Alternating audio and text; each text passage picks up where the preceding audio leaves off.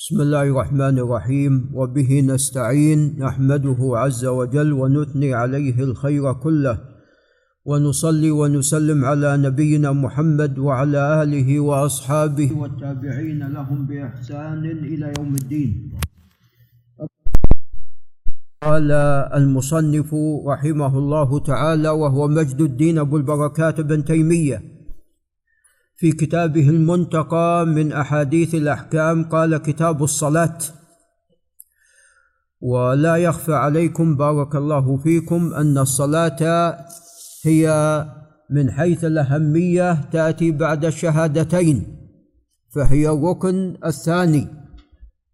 ومن أهمية هذه الصلاة وعظمها أن الله عز وجل لم يفترضها على نبيه صلى الله عليه وسلم وهو في الأرض وإنما هو في السماء. عندما عرج به صلى الله عليه وسلم إلى السماوات العلى افترض ربنا جل وعلا عليه هذه الصلاة. وأول ما فرضت كانت خمسين صلاة. ثم ربنا جل وعلا خفف هذه الخمسين وجعلها خمسا وجعل أجر الخمس أجر ماذا؟ أجر خمسين صلاة. وهذا من رحمة الله جل وعلا بنا. ومن أهمية هذه الصلاة أنها كاسمها فهي صلة ما بين العبد وما بين ربه جل وعلا. ومن أهمية هذه الصلاة أن من تركها فهو كافر وليس بمسلم. قال الله عز وجل فخلف من بعدهم خلف أضاعوا الصلاة واتبعوا الشهوات فسوف يلقون غيا إلا من تاب وآمن فلولا بتركهم الصلاة كفروا لما قال الله عز وجل إلا من تاب وآمن وفي السنن ومسند الإمام أحمد من حديث ابن بريدة عن أبيه بريدة بن الحصيب رضي الله تعالى عنه أن الرسول صلى الله عليه وسلم قال العهد الذي بيننا وبينهم الصلاة فمن تركها فقد كفر. نعوذ بالله من ذلك. فالله أسأل أن يرزقنا وإياكم المحافظة عليها والإتيان بها كما شرعها ربنا عز وجل وأن يجعلها لنا ذخرا في يوم القيامة وسببا لدخول الجنان والفوز بجائزة الرحمن جل وعلا. قال المصنف باب افتراضها ومتى كان؟ أي فرضية هذه الصلاة ومتى كان ذلك؟ وأما افتراضها فهذا محل إجماع كما تعلمون. قال الله تعالى فإن تابوا وأقاموا الصلاة وآتوا الزكاة فخلوا سبيلهم. فاشترط ثلاثة شروط لعل أبو إبراهيم ينتبه اشترط جل وعلا ثلاثة شروط التوبة من الشرك وإقامة الصلاة وإيتاء الزكاة. فهنا يخلون سبيلهم. وقال أيضا عز وجل فإن تابوا وأقاموا الصلاة وآتوا الزكاة فإخوانكم في الدين. وأما متى كان تقدم أن هذا في المعراج وكان ذلك قبل الهجرة كان ذلك قبل الهجرة بنحو ثلاث سنوات.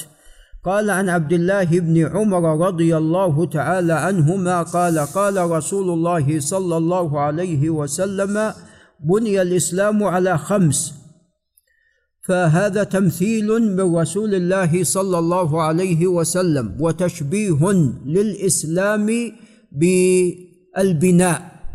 والبناء لابد أن يكون على أعمدة وعلى أساس وعلى مرتكزات. فما هي أساس الإسلام؟ فما هو أساس الإسلام؟ وما هي مرتكزاته؟ هي خمس. قال بني الإسلام على خمس شهادة أن لا إله إلا الله. هذا الركن الأول. وأن محمدا رسول الله. وإقام الصلاة هذا الركن الثاني. وإيتاء الزكاة. وحج البيت. وصوم رمضان. متفق عليه. وكل ما جاء في القرآن العظيم. وفي السنة جاء إقامة الصلاة. إقامة الصلاة. خاصة في القرآن. القرآن نعم إقامة الصلاة. فالإقامة ليست مثل الأداء فقط. لا الإقامة تشمل الأداء وتشمل أيضا أشياء أخرى سوف يأتي بإذن الله الحديث عنها. وهي تشمل ستة أشياء إن شاء الله يأتي الحديث عنها بمشيئة الله. قال وإيتاء الزكاة وحج البيت وصوم رمضان. متفق عليه. إذا هذه هي أركان الإسلام الخمسة. وهذه الأركان علينا تجاه هذه الخمس ثلاثة أشياء. الأول تعلمها فاعلم أنه لا إله إلا الله. كيف تقوم بها وتؤديها؟ وأنت لا تعلم كيفية إقامة هذه الأشياء والإتيان بها على الوجه الذي أمر الله عز وجل. فلا بد أولا من تعلمها وثانيا أداء هذه الأشياء. والأمر الثالث أن يكون هذا الأداء بإخلاص لله ووفق السنة. قال وعن أنس بن مالك رضي الله عنه قال فرضت على النبي صلى الله عليه وسلم الصلوات ليلة أسري به خمسين ثم نقصت حتى جعلت خمسا ثم نودي يا محمد إنه لا يبدل القول لدي وإن لك بهذه الخمس خمسين أي الأجر. رواه أحمد والنسائي والترمذي وصححه. نعم. والحديث بنحوه في الصحيحين في البخاري ومسلم. قال وعن عائشة رضي الله عنها وعن أبيها قالت فرضت الصلاة ركعتين.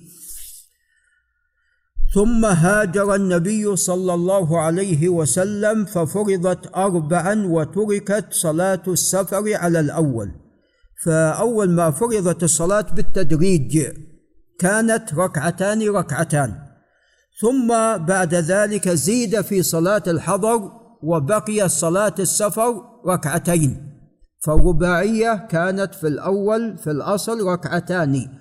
ثم زيدت إلى أربع. وأما في السفر فتعلمون من السنة قصر الصلاة الرباعية ولذا قالت هنا وتركت صلاة السفر على الأول على الأمر الأول. قال رواه أحمد والبخاري. وابتداءه بالإمام أحمد قبل البخاري وإن كان كتاب البخاري أصح هو من باب أن الإمام أحمد أقدم من البخاري أكبر من البخاري وهو شيخ البخاري. نعم. قال وعن طلحة ابن عبيد الله القرش التيمي رضي الله عنه أن أعرابيا جاء إلى رسول الله صلى الله عليه وسلم ثائر الرأس. وكان هذا الأعرابي أبو ناصر من أي البلاد؟ من نجد. كان نجديا. لأن جاء في رواية من أهل نجد. ثائر الرأس. أي نعم. ثائر الرأس. فقال يا رسول الله أخبرني ما فرض الله علي من الصلاة؟ فقال الصلوات الخمس إلا أن تطوع. إذا المفروضة هي الخمس لا غير. في اليوم والليلة. وأما غير اليوم والليلة فهناك صلوات مفروضة. العيدان الأقرب أنهما مفروضتان وصلاة الكسوف. ولذا أمر عليه الصلاة والسلام بأن ينادى قبل صلاة الكسوف الصلاة جامعة. وأمر عند حصول الكسوف الخسوف بالفزع. افزعوا إلى الصلاة. ففي اليوم والليلة ما فيه إلا الخمس. إذا الوتر مستحب وليس بواجب. قال أخبرني ماذا فرض الله علي من الصيام؟ قال شهر رمضان. إلا أن تطوع شيئا فشهر رمضان فقط هو الواجب في الصيام.